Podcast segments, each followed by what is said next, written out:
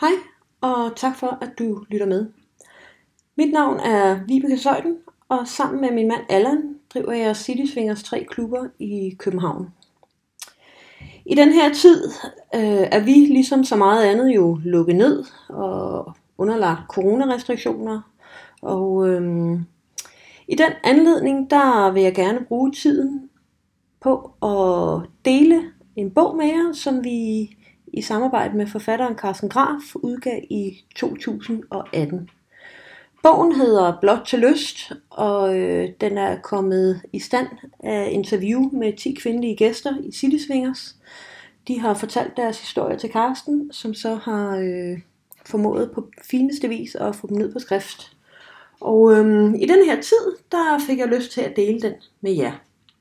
Jeg skal lige sige, at øh, det ikke på nogen måde er professionelt optaget. Jeg sidder her i min lænestol, og fuglene synger udenfor. Der kan være lidt støj fra gaden. Det vil sige, at jeg sidder ikke i et eller andet professionelt studie, som vi har brugt øh, en masse tid og penge på at, at sætte i stand.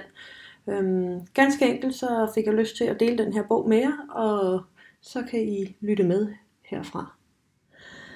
Det er en bog om kvinder, der ikke ønsker at nøjes med den form for sex, som ofte er en konsekvens af et traditionelt parforhold.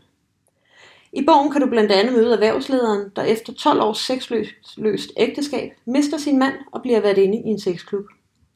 Du kan også møde den muslimske kvinde, der efter et erotikløst tvangsægteskab med en håbløs ægtemand er yderst afklaret med at være ham utro. En anden af bogens hovedpersoner er journalisten, som igennem sit lange ægteskab fantaserer om at have sex med en stor gruppe mænd på én gang. Efter en skilsmisse vælger hun at gøre drømmen til virkelighed. Forfatterens velkomst. Velkommen. Dette er en bog om kvinder, der alle ser ud til at leve ganske almindelige liv, men som har valgt at udforske deres seksualitet på måder, som langt fra er almindelige. Ingen af dem har ønsket at stille sig tilfreds med den form for sex, som ofte er en konsekvens af et traditionelt parforhold.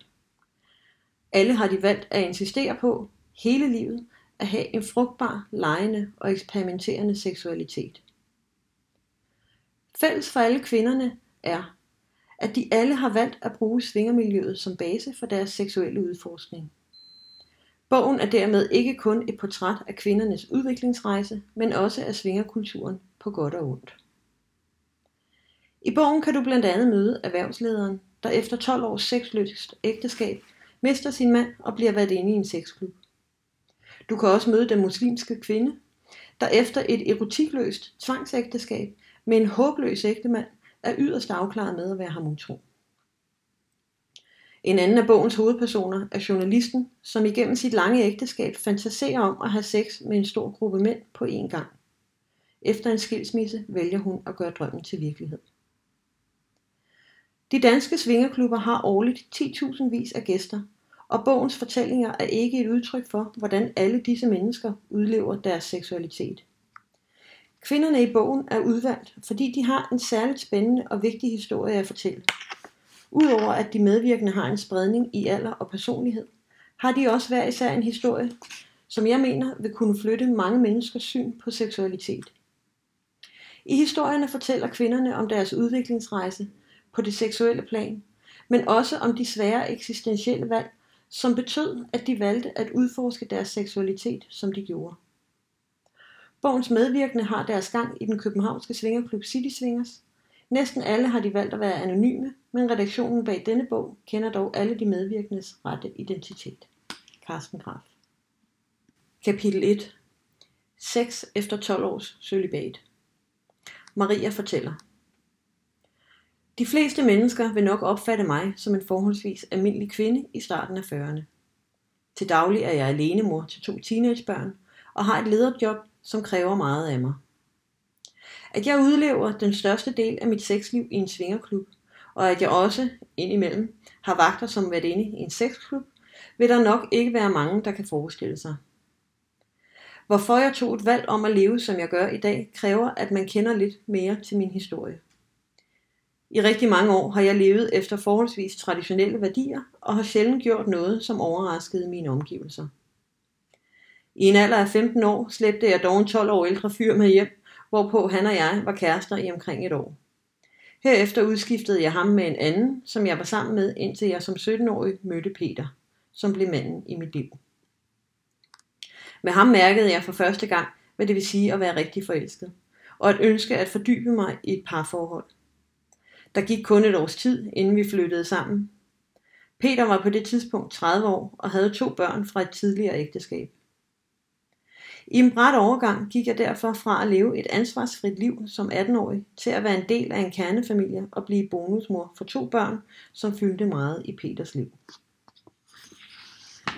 Få år senere giftede vi os, og vores liv sammen så på den måde ud til at skulle køre på skinner mange år frem i tiden. Efter nogle års ægteskab fik Peter pludselig en forbigående blodprop i hjertet. At den slags kunne ske for en mand i 30'erne, var naturligvis et stort chok for os begge. På den hårde måde lærte vi, hvor skrøbeligt livet kan være, og derfor tog vi en beslutning om at få et barn sammen, før det var for sent. Herefter gik det stærkt, og vores datter blev allerede født 11 måneder efter blodproppen. I løbet af de næste år fik Peter flere mindre blodpropper og havde det ofte meget dårligt. Efterhånden indså jeg, at hans helbred kun blev værre, og at jeg når som helst kunne risikere at miste ham. Vi valgte derfor at få endnu et barn, mens det stadig var muligt. 14 dage før min termin fik Peter en alvorlig blodprop. Magtesløs og bange så jeg til, mens lægerne genoplevede ham med elektrochok og hjertemassage. Efter han atter var kommet til hægterne, blev det besluttet, at han fremover skulle tage mere og stærkere medicin. Den nye medicin havde desværre en del uheldige bivirkninger. Blandt andet fik Peter søvnbesvær og mistede det meste af sin sexlyst. De følgende år fortsatte han med at få flere mindre blodpropper. Hele situationen og den udvikling, han gik igennem, var naturligvis ret belastende for både ham og mig, og for ikke at gå helt ned med fladet, gik jeg ind imellem til psykolog. Vores samliv fortsatte med op- og nedture, indtil Peter efter godt 20 års ægteskab, i en alder af 54, fik en meget stor hjerneblødning. Hjerneblødningen havde nogle langt værre konsekvenser, end vi nogensinde havde kunnet forestille os. Fra den ene dag til den næste mistede han en stor del af sin hukommelse og sin evne til at kommunikere med omverdenen. Efterfølgende har jeg indset, at det er mere eller mindre tilfældigt, hvad han siger og hvilke følelser han viser, når man taler med ham. For mig at se lever den kærlige, omsorgsfulde og opmærksomme mand, som jeg engang elskede, ikke længere. Tilbage er der kun et aftryk af det menneske, som i så mange år har været omdrejningspunktet for hele mit liv. Når man har elsket et menneske, som jeg har elsket Peter, er det ualmindeligt hårdt at blive konfronteret med den forandring, hjerneblødningen medførte. For ikke selv at gå helt ned, måtte jeg lukke af følelsesmæssigt og tage den meget svære beslutning, at han fremover ikke skulle være en del af mit og børnenes liv i hjemmet. Jeg mente, at vi fremadrettet havde fortjent at få et nogenlunde normalt og roligt liv. Derfor sørgede jeg for, at han fik en beskyttet bolig med professionelle plejere, som kunne tage sig af ham, og samtidig blev vi skilt. Måske kan det lyde en smule hårdt, at jeg på denne måde har fået ham ud af mit liv og ud af vores hjem, men jeg var udkørt, magtede ikke mere og var bange for, at vores børn også skulle miste mig. Med tiden er jeg kommet mere og mere på afstand af ham, og i dag, hvor der er gået halvandet år, har jeg ikke længere det store behov for at fastholde vores kontakt. Jeg og børnene besøger ham dog alligevel ugentligt, for jeg kan mærke, at det giver børnene en tryghed, at vi vedbliver med at holde en struktur, hvor vi alle fire stadig mødes. Som man nu forstår, har jeg i mange år været en del af et ægteskab, der har budt på et væld af udfordringer. Ikke kun følelsesmæssigt og mentalt, men også seksuelt. Da ægteskabet sluttede, havde min mand og jeg ikke haft sex i 12 år. Det strider imod alle mine principper at være utro, og ifølge min filosofi kan jeg godt undvære sex, når blot kærligheden er til stede. Peter havde i alle årene været ualmindelig kærlig og opmærksom, og var god til at give masser af kys og kram, og derfor var jeg villig til at acceptere, at jeg måtte undvære et sexliv. I månederne efter hjerneblødningen var det naturligvis tale om et gigantisk følelsesmæssigt skift, som pressede mig på alle planer, og som virkede mere eller mindre traumatiserende på børnene. Ikke alene blev der stillet meget store krav til mine evner til at holde sammen på vores lille familie, men samtidig skulle jeg også holde styr på økonomien, passe mit job, få børnene i skole, samt tage en lang række ualmindeligt svære beslutninger i forhold til Peters situation og fremtid. Listen over opgaver, der dagligt holdt mig beskæftiget, var i knap et år så langt, at der på intet tidspunkt blev tid til at forholde mig til, hvordan jeg selv havde det, og om der var noget, jeg selv oplevede at mangle. Efterhånden som listen blev kortere, begyndte der så at komme en smule orden på, det, på hele det store kaos, og dermed blev der også plads til, at jeg kunne tænke over, hvordan mit liv skulle forme sig i fremtiden. Blandt andet var jeg begyndt at føle mig ensom, og jeg tænkte, at det var tid til at se, om ikke der må være muligt at finde noget mandligt selskab. Min forhistorie taget i betragtning, var jeg lidt skræmt over alt, hvad det ville indebære at der at indgå i et forhold, men jeg trives ikke alene. Derfor oprettede jeg en profil på et dating site og mødte herefter en række mænd på dates i byen eller på caféer. Ingen af de mænd, jeg mødte, virkede dog specielt tiltrækkende. Det at skrive frem og tilbage med en masse mænd, for bagefter at møde dem og opdage, at, det ikke var noget særligt, at der ikke var nogen særlig kemi, var ikke kun ualmindeligt tidskrævende, men også svært at passe ind i min hverdag, og efter utallige forsøg stoppede jeg det projekt. Citat fra Maria dagbog. Jeg vil aldrig skilles. Jeg vil aldrig være alenemor. Jeg vil aldrig have, at mine børn skulle være i sorg. Skæbnen ville, at jeg fik alt det, jeg ikke ønskede. Nu er tiden til at komme til at få det, jeg gerne vil have. Citat slut. En dag sad jeg så på arbejdet og talte med en kollega om nogle af mine udfordringer i privatlivet. Under samtalen sagde jeg også, at jeg følte, at jeg manglede et sexliv. Det fik min kollega til at fortælle, at en bekendt netop havde besøgt en svingerklub, som hed City Swingers. Hvad en svingerklub var, havde jeg ingen idé om, men jeg forestillede mig, at det var et sted, som var fuldt af perverse, klamme og desperate mennesker, der ikke tænkte på andet end sex. Derfor afviste jeg blankt ideen, også selvom mine kolleger fortalte mange positive ting om klubben. På trods af mine fordomme blev ideen alligevel ved med at rumstere i mine tanker de næste dage. Og en ganske almindelig tirsdag eftermiddag besluttede jeg mig for, at jeg intet kunne tabe ved at se, hvad det var. I bilen på vej til klubben følte jeg mig hverken urolig eller nervøs. Også selvom jeg var i færd med at gøre noget, der føltes helt igennem fremmed for mig. Bygningen, hvor i klubben lå, så sølle ud og havde ingen vinduer ud mod vejen. Og da jeg nåede døren, bemærkede jeg, at der ikke var andre tegn på aktivitet i bygningen, end et skilt med nogle åbningstider på døren.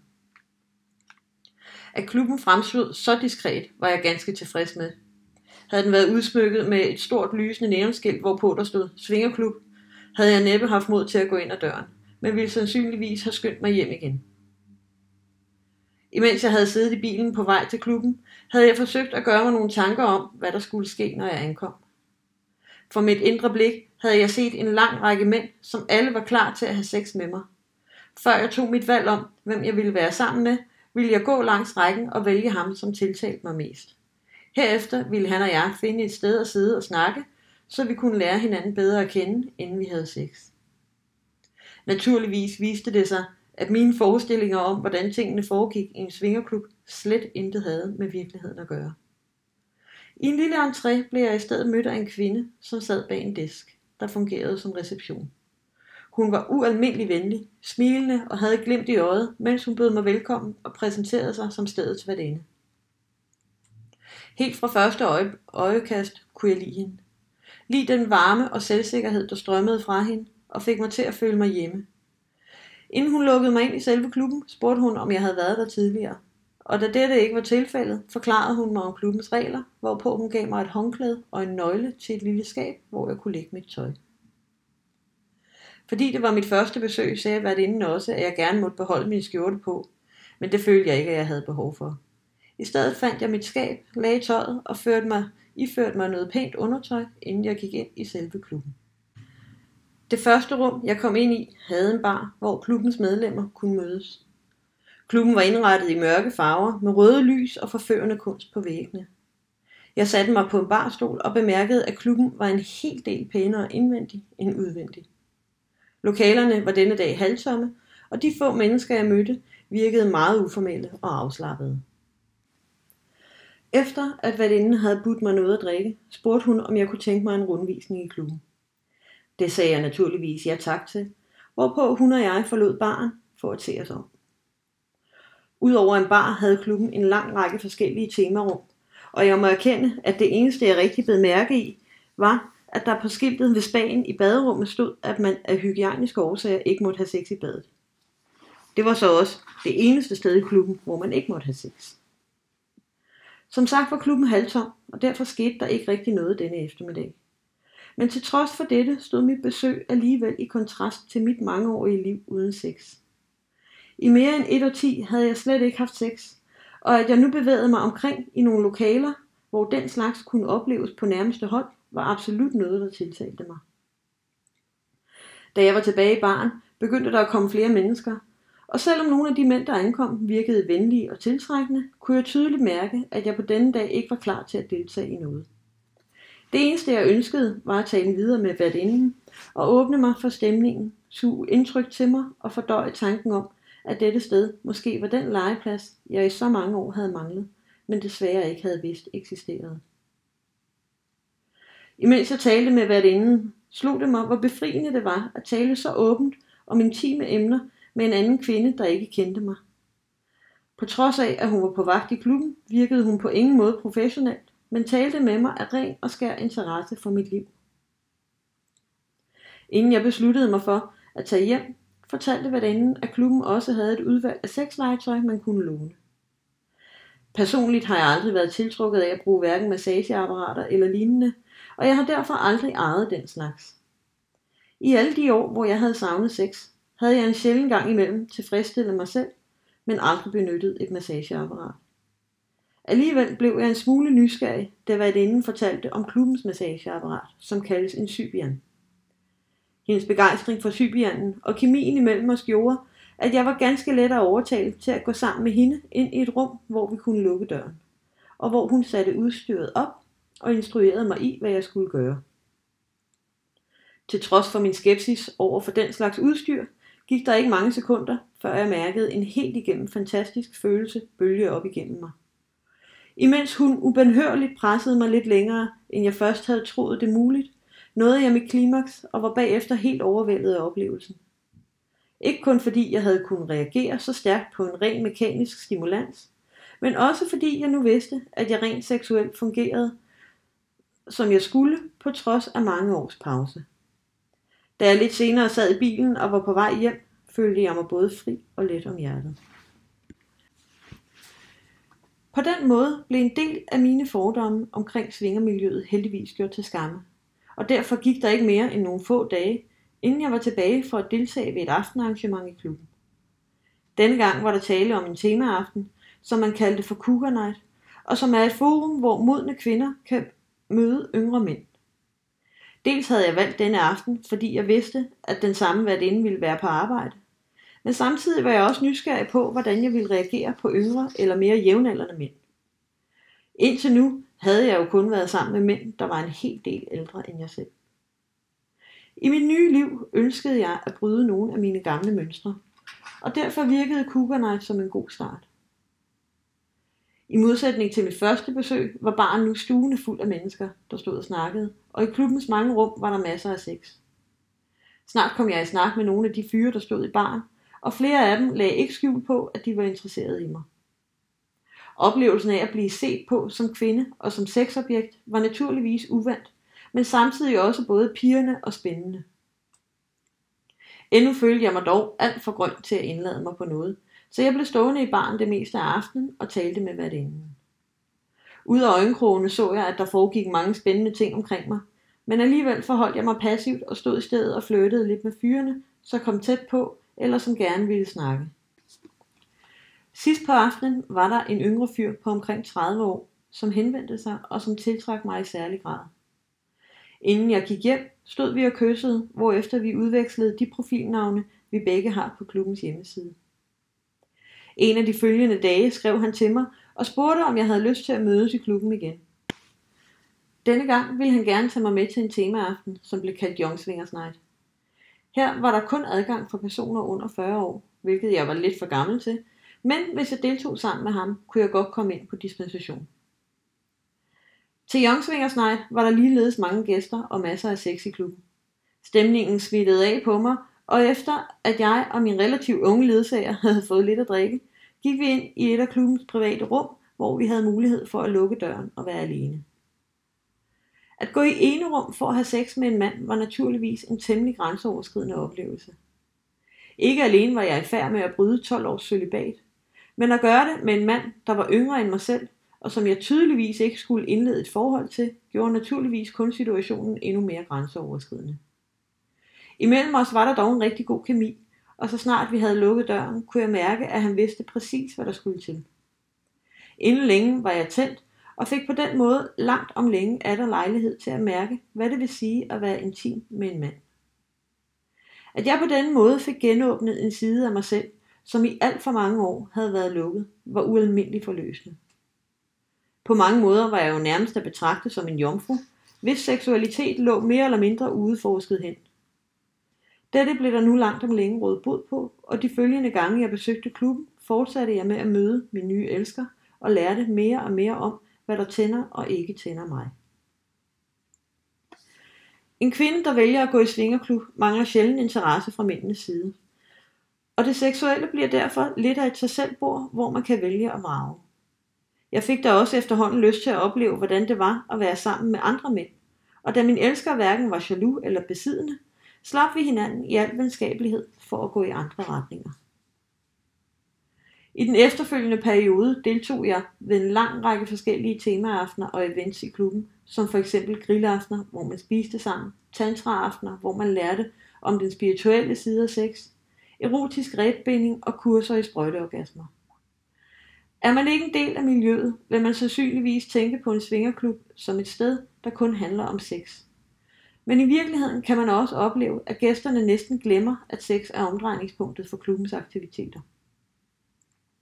Flere af de aftener, jeg besøgte klubben, kunne jeg opleve, hvordan den pludselig forvandledes til en snakke- og hyggeklub, hvor ingen havde sex, og hvor alle hang ud for at slude af bar. Heldigvis havde klubben nogle handlekraftige værter og værtinder, der i den slags situationer kunne finde på at slå i bordet, lukke barn og sige til gæsterne, at nu skulle de gå ud og bruge klubben til det, den er indrettet til. I klubben lærte jeg rigtig meget om, hvad der tiltrækker mig. Blandt andet indså jeg, at en mands udseende ikke var en afgørende faktor for mig, og at det ofte var de klassisk flotte mænd, som var de mindst interessante. Måske fordi jeg med dem lettere kunne føle mig usikker, eller måske blot fordi nogle af dem jeg mødte var lidt for tilfredse med sig selv. Mænd, som ikke har så let ved at tiltrække sig kvindernes interesse, er ofte lidt mere imødekommende. Derfor er de som regel mere charmerende og har ofte en hel del mere at byde på. I en svingerklub kan man derfor ikke kun udforske sin seksualitet, man kan også lære en hel del om, hvorfor man bliver tiltrukket af bestemte personer. Mange mennesker har jo en hel masse krav, når de skal finde en partner eller en kæreste. Måske går man rundt og fortæller sig selv, at man søger en mand, som skal være både flot og rig. Udover det skal han have et spændende job, en smart bil, en lækker bolig osv. I en svingerklub erfarer man hurtigt, hvor lidt disse ting i virkeligheden betyder i forhold til tiltrækning. Fakta er, at de fleste benytter svingerklubben som et fristed, hvor de ikke ønsker at forholde sig til, hvem de er, når de ikke er i klubben. En svingerklub kan i virkeligheden betragtes som en boble, hvor man kan lære at være forholdsvis umiddelbar i sin omgangsform. Når det gælder mænd, bliver det derfor i stedet mere vigtigt, hvad der tænder ham, om han har empati, et højt selvværd, behandler andre med respekt og har en positiv indstilling til livet, og om han er god til at flytte. Ikke at skulle forholde sig til livet uden for klubben var noget, der i store træk var befriende for mig, men samtidig havde jeg også nogle skrubler i forhold til ikke at tale med en mand om, hvorvidt han var gift eller havde en kæreste. Allerede fra starten havde jeg besluttet, at jeg ikke ønskede at medvirke til nogen form for utroskab. Og da det i en svingerklub kan være lidt svært at tale med en mand om hans ægteskabelige status, måtte jeg desværre ofte famle lidt i blinde for at kunne overholde mit eget moralkodex. Efter de mange års celibat havde jeg i starten en del reaktioner på det grænseoverskridende spring, jeg havde taget ind i svingermiljøet. Mænd er ofte mere styret af deres begær og er meget behovsorienteret i deres seksuelle adfærd. Men for en kvinde er der som regel mere fokus på, at der også er tryghed, tillid og kontinuitet i et forhold. Derfor tror jeg personligt ikke, at det er helt i overensstemmelse med en kvindes indre natur at gå ind ad en dør til en klub med det ene formål at have sex med mennesker, hun ikke kender. For en kvinde, der jævnligt har skiftet partnere og er vant til fornyelsen, er det måske ikke så grænseoverskridende. Men har man som jeg været i et sexløst forhold i mange år, er der tale om en fuldstændig ekstrem kontrast. At mange kvinder afholder sig fra at opsøge svingerkulturen på egen hånd, handler formentlig om, at de er usikre på, om de kan håndtere mændenes reaktioner. Og om, at de er i tvivl om, hvorvidt de kan sige fra, hvis en mand bliver pågående. Selvom der i svingermiljøet naturligvis findes nogle mænd, som er pågående, kom jeg dog aldrig i situationer, hvor det var svært for mig at sige fra. Fordi det i sådan en klub er så tydeligt, hvad det handler om, bliver det også tilsvarende mere enkelt at sige nej tak. Er man til julefrokost og bliver antastet af en handfuld mandlig kollega, kan det være meget svært at sige tydeligt og klart fra, da han jo sjældent vil sige præcis, hvad han er ude på. Udover dette kan han jo også risikere at blive fornærmet, hvilket kan få indflydelse på det samarbejde, man har efterfølgende. I en svingerklub ved man præcis, hvad det handler om. Og kalder man en spade for en spade, er det for mig at se også meget lettere at vælge til og fra. På den måde ser jeg i dag Svingerklubben som et tiltrængt alternativ til at score til julefrokosten på nettet, i badmintonklubben eller på en natklub. I den tid, jeg har været i klubben, har jeg fået mange henvendelser fra mænd, der har spurgt, om jeg havde lyst til at være sammen med dem. Ingen af de gange, jeg har sagt nej tak, har det skabt dårlig stemning. Efter at jeg havde haft flere besøg i klubben, begyndte jeg efterhånden at føle mig mere og mere på hjemmebane. Når jeg ankom, var jeg lige så afslappet, som hvis jeg var på vej til at gå i svømmehallen eller på biblioteket. På alle planer følte jeg mig akklimatiseret, men stadig havde jeg ingen trang til at være med i alt for ekstreme seksuelle aktiviteter. Ved hver besøg lærte jeg noget nyt og kom dybere ind i både kulturen og i min egen seksualitet. Jeg fandt ud af, at mange af de ting, der tiltrak mig, slet ikke var noget, jeg havde vidst noget om, inden jeg var begyndt at komme i miljøet. For eksempel vidste jeg intet om magtspil og rollespil i det seksuelle. Derfor var jeg meget spændt på at deltage i de aftener, hvor der blev sat fokus på emner som erotisk bondage og dominans. Som regel stillede klubben en person til rådighed, som ledede arrangementet og som underviste i slagteknik i at binde i at dominere seksuelt. At binde, dominere eller give væk kan udvikle sig til et større videnskab og handler ikke bare om smerte og kontrol, men om at skabe en dyb og intens samhørighed imellem den, der dominerer og den, der underkaster sig. På den slags aftener kunne man som deltager møde klubbens dominante og submissive, som kom for at få tilfredsstillet deres lyster. Der var naturligvis også plads til personer, der som jeg ikke vidste, hvordan de havde det med den slags, og bare ønskede at prøve sig frem og mærke deres egne reaktioner. De gange jeg medvirkede, blev jeg altid fascineret over at opleve, hvor mange facetter den menneskelige seksualitet har. Men jeg mærkede alligevel ikke nogen særlig grad af lyst til smæk eller bondage. Som regel er det jo ikke muligt helt at afskrive noget, før man selv har prøvet det, og derfor meldte jeg mig en enkelt gang som frivillig, da en af klubbens dominante skulle give en demonstration af, hvordan man benytter et spanskrør. Som et resultat af min medvirken fik jeg et par lille streger hen over ballerne, men jeg fik ingen seksuel oplevelse, som det gav mening at forsøge at udvide min forståelse af. En anden gang meldte jeg mig også som frivillig for at opleve, hvordan det føltes at svinge en pisk over en, som er seksuelt underdanig. Men inden jeg gik i gang, havde jeg lidt på fornemmelsen, at det ikke ville tænde mig. At jeg medvirkede skyldes, at han, som skulle have pisk, havde fødselsdag, og derfor ville jeg gerne være med til at give ham en god oplevelse på denne særlige dag. Desværre er jeg ikke i den bedste fysiske form, og det jeg primært fik ud af at give ham pisk, var en øm og overanstrengt arm. Til gengæld var det interessant at opleve den energi, der kom fra tilskuerne, imens jeg slog. Hver gang jeg svingede pisken, gibbede det i de mennesker, som var forsamlet omkring mig, og når de reagerede sådan, blev jeg opfyldt af en ret fed følelse og fik lyst til at slå igen.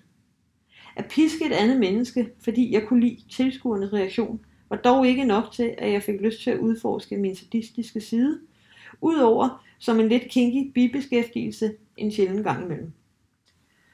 På trods af, at det på denne måde viste sig, at jeg hverken er dominant eller submissiv på det seksuelle plan, er der ingen tvivl om, at jeg altid kan lide at opleve kemien, omsorgen og den kærlighed, der fylder rummet, når et dominant, submissivt par leger deres intense lege. Det fascinerer mig også, hvordan man på det erotiske plan kan gøre brug af bondage.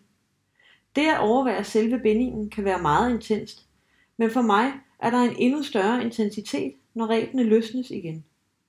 Det var netop i løsningen af rebene, at jeg som tilskuer kunne mærke både den udførende og den modtagendes passion, piring og lettelse. Fordi jeg som beskuer eller iagtager fik en glæde ved at medvirke i den slags aktiviteter, begyndte jeg indimellem at deltage ved en række temaaftener, hvor de af klubbens gæster, der tændte på smæk, kunne få alle de smæk, de havde lyst til. Det var dog ikke rollen som hende, der svingede pisken, der betog mig. Men det gav mig en særlig nydelse at være der som hende den søde, der skulle nusse og kæle for den submissive inden eller imellem slagene. For at lindre eller for at opmuntre på den helt rette måde brugte jeg enten olie eller is, alt efter om den pågældende skulle varmes op eller køles ned. Netop den kontrast mellem kærtegn og afstraffelse er der mange, der tænder på, og for mig føltes det helt rigtigt at være med til at give dem en god oplevelse, uden at jeg selv behøvede at deltage aktivt. I den første tid i klubben var jeg nærmest at betragte som forelsket i min egen seksualitet og i den nye livsstil, jeg havde fundet. Alt hvad jeg oplevede og alt hvad jeg lærte var ualmindeligt givende, men efterhånden var det, som om tingene begyndte at ændre sig. På det seksuelle plan blev jeg mere og mere fyldt op, og samtidig mere og mere midt. Nu begyndte jeg at mærke, at hverken min krop eller min hjerne kunne følge med. Det meste af det, jeg medvirkede i, var både spændende og pigerne, men manglede alligevel en dybde og intensitet, som kunne gøre det mere meningsfuldt. Måske handlede det om, at jeg i mit hjerte er monogam, og i virkeligheden ikke ønsker at dele mig selv med flere mænd. Samtidig har jeg også altid haft den grundindstilling, at kærlighed og sex ikke er to forskellige ting, men at de hører sammen og danner et hele. På trods af, at jeg nu havde haft en del begærlig sex, som ikke handlede om kærlighed, var jeg stadig af den overbevisning, at kærlighed og sex burde hænge sammen. I min idealverden er, er jeg derfor kæreste med en enkelt mand, og går jeg ud og har sex med en anden mand, er det ens betydende med, at jeg siger farvel til den første. De forhold, jeg havde i klubben, var ikke kæresteforhold, men svingerforhold, der efterfulgte hinanden serielt. Så snart et forhold var indledt og afsluttet igen, gik jeg ikke tilbage, men fandt i stedet en ny, som jeg så prøvede nye ting sammen med. Tryghed er ikke noget, jeg kan opbygge på få dage, og fordi jeg trods alt havde skiftet elsker regelmæssigt, nåede jeg aldrig en tilstand, hvor jeg kunne give mig hen og være helt mig selv. Hver gang jeg påbegyndte et nyt forhold, var der tiltrækning og lystfølelse, men forholdet blev hurtigt hult, og derfor sluttede det som regel, inden vi havde opnået nogen særlig grad af dybde. Uanset hvad jeg foretog mig, var der alt for mange indtryk, alt for meget overflade og alt for meget tilfældig sex. For at udfordre mine grænser, deltog jeg også i en trekant med et par, jeg havde lært at kende i klubben. Jeg tænkte, at jeg måske ville kunne mærke noget, som var dybere og stærkere, hvis jeg var sammen med et par, som også havde et dybere forhold til hinanden. Oplevelsen var interessant, og i dag ville jeg ikke have været den for uden. Men den bekræftede, hvad jeg havde forventet, inden vi gik i gang, nemlig at jeg ikke kunne overskue at være sammen med to mennesker på én gang. Kort tid efter denne oplevelse kunne jeg mærke, at jeg ikke kunne fortsætte i klubben som hidtil. Og jeg begyndte samtidig også at tænke på, om det ville være muligt for mig at finde en fast kæreste. At fortsætte med kun at have svingerforhold var ikke, ville ikke være nok for mig i længden, og derfor begyndte jeg alvorligt at overveje, hvornår jeg ville blive nødt til at vende tilbage til at leve i celibat.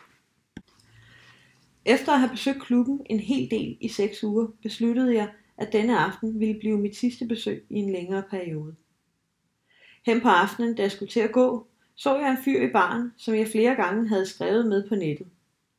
Sidst vi havde skrevet sammen, havde han hjulpet mig med min profiltekst på klubbens hjemmeside, og som tak havde jeg skrevet, at jeg ville give ham et kys næste gang vi sås. Inden jeg forlod klubben, gik jeg derfor hen til ham. Da klubbens regel nummer et er, spørg før du rør, måtte jeg pænt spørge om lov til at kysse ham, hvilket han gav sin tilladelse til. Snart efter mødtes vores læber i, hvad der bare skulle have været et overfladisk kys. I min tid i klubben havde vi ved flere lejligheder mødtes, og jeg havde ikke mærket nogen særlig grad af tiltrækning. Men nu skete der noget uventet.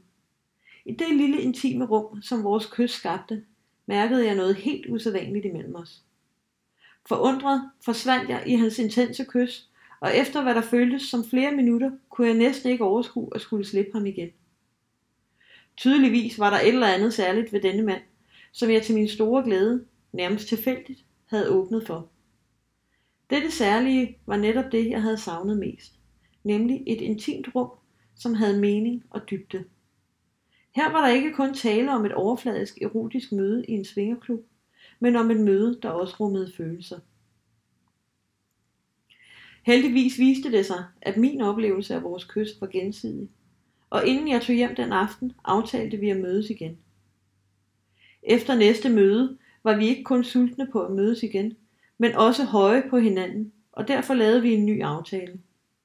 Sådan fortsatte vi i nogle måneder, og efterhånden lærte vi hinanden bedre og bedre at kende. Og samtidig vedblev intensiteten og nærværet med at være konstant tiltagende. Der gik derfor ikke ret længe, inden jeg betragtede ham som min kæreste.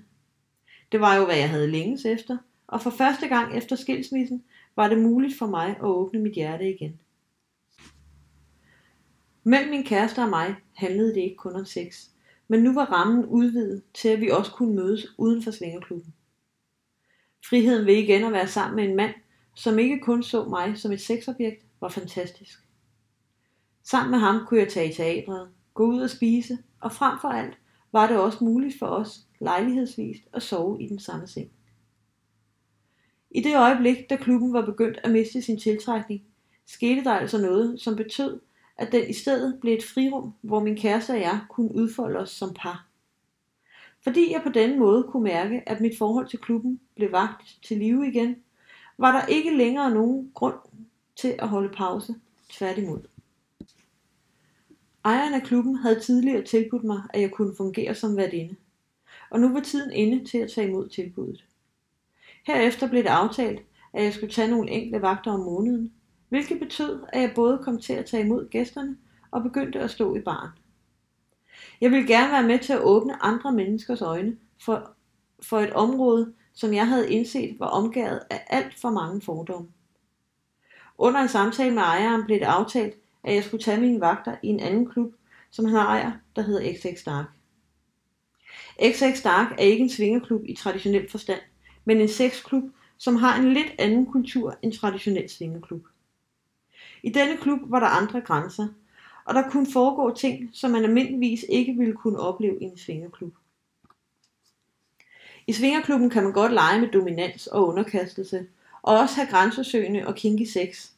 Men det er altid på det, man vil kalde den pæne måde. I en svingerklub foregår der sjældent noget, der kan være anstødeligt for sarte sjæle. XX var til gengæld et nærmest grænseløst sted, hvor så godt som alt kunne ske. Hvor der godt kunne indgå både nåle, strøm eller urin som en del af den seksuelle leg. Her kunne en sadist slå på en underdanig, så det begyndte at bløde. Eller han og hun kunne vælge andre måder at trække sine underdanige ud i afkrogene af, hvad et almindeligt menneske ville kunne rumme, uden at finde det frastødende. Set i forhold til XX Dark, var City Swingers et nærmest bonert sted, hvor man primært mødte mennesker, som havde en lejende tilgang til sex. I sexklubben var grænserne skubbet et stykke længere ud. Her kunne jeg som værtinde godt risikere at opleve ting, som for mig ikke så ud til at have noget med sex at gøre. Udover dette kunne jeg også risikere at møde mænd, som prøvede at overtale mig til at have sex med dem, også selvom jeg helt tydeligt og klart ikke var tiltrukket og sagde nej tak. For en vært eller værtinde i både City Swingers og XX og Dark er der ingen regler, der siger, at man ikke må have sex med gæsterne. Men det er bare ikke min stil. Med jævne mellemrum oplevede jeg derfor at overtage et barn for en af de øvrige værtinder, imens hun sprang ud for at have et hastigt seksuelt møde med en af gæsterne, inden hun skyndte sig tilbage i baren igen. I de måneder, jeg har fungeret som værtinde i sexklubben, har jeg haft mange usædvanlige og spændende oplevelser der. En aften havde vi for eksempel hængt fem mænd op i lænker, og der var syv kvinder, der tog sig af dem. At observere og mærke den energi, der var i rummet, imens de fem mænd blev piret, fik smæk eller strøm, var fantastisk. I sådan et setup var det ikke svært for mig at mærke intensiteten, også selvom jeg jo som tidligere nævnt ikke selv tænder på den form for sex. Mit liv er ret nøje delt op med skotter imellem mit privatliv og mit arbejdsliv, og det værner jeg meget om, og ønsker ikke, at det skal være anderledes. På arbejdet har jeg som regel nederdel og skjorte på, men i klubben kan jeg klemme mig ud og være præcis det, jeg har allermest lyst til. Kan gå med corsager, fransk undertrøje, lak eller latexdragt og kun lade fantasien sætte grænser for min adfærd og påklædning. Hvis jeg mødte venner eller kollegaer i klubben, som slet ikke kendte den side af mig, tror jeg, at det ville være meget akavet for både dem og mig. Heldigvis er det endnu aldrig sket, og sådan håber jeg, at det vil blive ved med at være. Uden tvivl er der masser af sandhed i de fordomme, som mange mennesker har om svingermiljøet. Vælger man at komme i en klub, skal man derfor ikke lade sig slå ud, hvis man ikke får en god oplevelse ud af det første sted, man besøger. Alle klubberne har jo deres egen kultur og stemning. På trods af mit råd om ikke at lade sig slå ud af en dårlig oplevelse i en svingerklub, kan jeg også godt sætte mig ind i, at et førstehåndsindtryk er altafgørende. Uden tvivl havde jeg ikke selv givet svingerkulturen en ekstra chance, hvis jeg på mit første besøg havde haft en dårlig oplevelse. Når jeg nu fortæller min historie, kan det godt lyde som om, at jeg har oplevet alt i løbet af mine første knap 8 måneder i klubben. For mit eget vedkommende er jeg dog temmelig sikker på, at jeg kun har rørt toppen af isbjerget, og derfor betragter jeg mig stadig som nybegynder. Forhåbentligvis ligger der stadig et væld af frække, spændende og intense oplevelser og venter på mig forude. Samtidig kan jeg dog også se, at jeg allerede har udviklet mig meget. Kigger jeg tilbage på mit ægteskab med den viden, jeg har nu, kan jeg se, hvor meget det påvirkede mig både indadtil og udadtil ikke at være sanselig. Min baggrund og de begrænsninger, jeg havde i ægteskabet, er dog ikke noget, jeg har talt åbent om i klubben. Alle har vi vores grunde til at mødes i dette miljø, og jeg er langt fra den eneste, som ikke ønsker, at andre skal vide alt om mig. At udforske min seksualitet handler jo om at udforske sin fantasi og drømme, og en af måderne, som jeg selv ynder at gøre det på, er ved at skrive nogle af mine fantasier ned, både som noveller og som dagbogsnotater. Fantasierne er jo en interessant del af sexlivet, fordi de ikke nødvendigvis peger på noget, som man ønsker at udleve. Indimellem kan jeg for eksempel godt finde på at fantasere om at blive bundet, men endnu har jeg aldrig stået i en situation, hvor jeg virkelig har haft lyst til, at det skulle ske i virkeligheden. Indimellem er jeg også til stede i klubben, imens der er gangbang i gang, og selvom det godt kan se frækt ud, ved jeg godt, at jeg ikke ville kunne deltage i den slags. På trods af, at jeg også kan finde andre kvinder både frække og sexede, ved jeg også, at jeg aldrig kunne danne par med en kvinde. Til gengæld har jeg med tiden indset, at jeg i nogenlunde samme grad kan tænde på at kysse med en mand og med en kvinde. Både mænd og kvinder kan være gode til at bruge tungen og gode til at skabe nærvær. Det er altså ikke kønnet, der afgør, om de kan tænde mig, men til gengæld er det kønnet, som afgør, om jeg kan opleve den anden som en mulig partner eller ej. Især efter jeg mødte min kæreste, blev forholdet til andre kvinder mere centralt for mig. Samtidig med, at jeg mistede lysten til andre mænd, blev jeg stadig ved med at have mere lyst til at eksperimentere med andre kvinder. Værker jeg en god kemi med en kvinde, får jeg ikke længere kun lyst til at kysse med hende, men også til at binde hende, og vil gerne give hende både olie- og ismassage. Der opstår for mig en helt særlig tilstand ved at være sammen med en kvinde, som formår at give slip, åbne sit begær og alle sanser og overgive hele kontrollen. At få hende helt op at ringe er fantastisk, og når det virkelig lykkes, kommer der som regel altid en lille sadist frem i mig, som tænder på at efterlade hende i en uforløst tilstand. Som mit liv ser ud lige nu, er jeg altså monogam, når det gælder mænd, men er åben, når det gælder andre kvinder. Om det vil være sådan i al fremtid, ved jeg endnu ikke. Og måske vil min kæreste og jeg på et tidspunkt få lyst til at eksperimentere med at være sammen med andre, men lige nu har vi nok i hinanden. Som sagt er det derfor ikke noget, der ligger lige om hjørnet. Når det gælder udforskning af kærligheds- og sexlivet, er det naturligvis ualmindeligt svært at lave sikre prognoser fra fremtiden. Citat fra Marias dagbog. Jeg er vild med hendes krop. Jeg er generelt ret vild med kvindekroppen, men hendes er i særklasse. Den er stærk, smidig, velformet og dekoreret på smukkeste vis. Hun har smukke bryster, det frækkeste smil, og huden er silkeblød. Hendes øjne er på en gang blide og uskyldige, men også med et uartigt glemt. Hun fascinerer mig, hun tiltrækker mig, og hun kunne lede en engel i fordærv. En dag skal hun være min. Ikke for evigt, men bare i nogle timer. Jeg vil svage på hver en centimeter af hendes krop og mærke den bløde hud på hendes inderlov mod min kind. Nappe lidt i hendes brystvorter, slikke hende og lade min tunge udforske, smage, drille og pige. Jeg vil kysse hende, imens jeg fletter mine fingre ind i hendes hår. Jeg vil lytte til hendes suk, hendes støn, mærke hendes begær og vil fordybe mig i nydelsen i hendes øjne. Citat slut. Tak fordi du lyttede med til Marias historie om øh, sex efter 12 års celibat. Øhm, I næste afsnit, der skal vi øh, høre et par små anekdoter, øh, blandt andet øh, om Jomfruskolen og overgreb og tømmermænd. Og udover det, så kommer kapitel 2, som hedder Når utroskab bliver nødvendigt. Jeg håber, vi høres ved.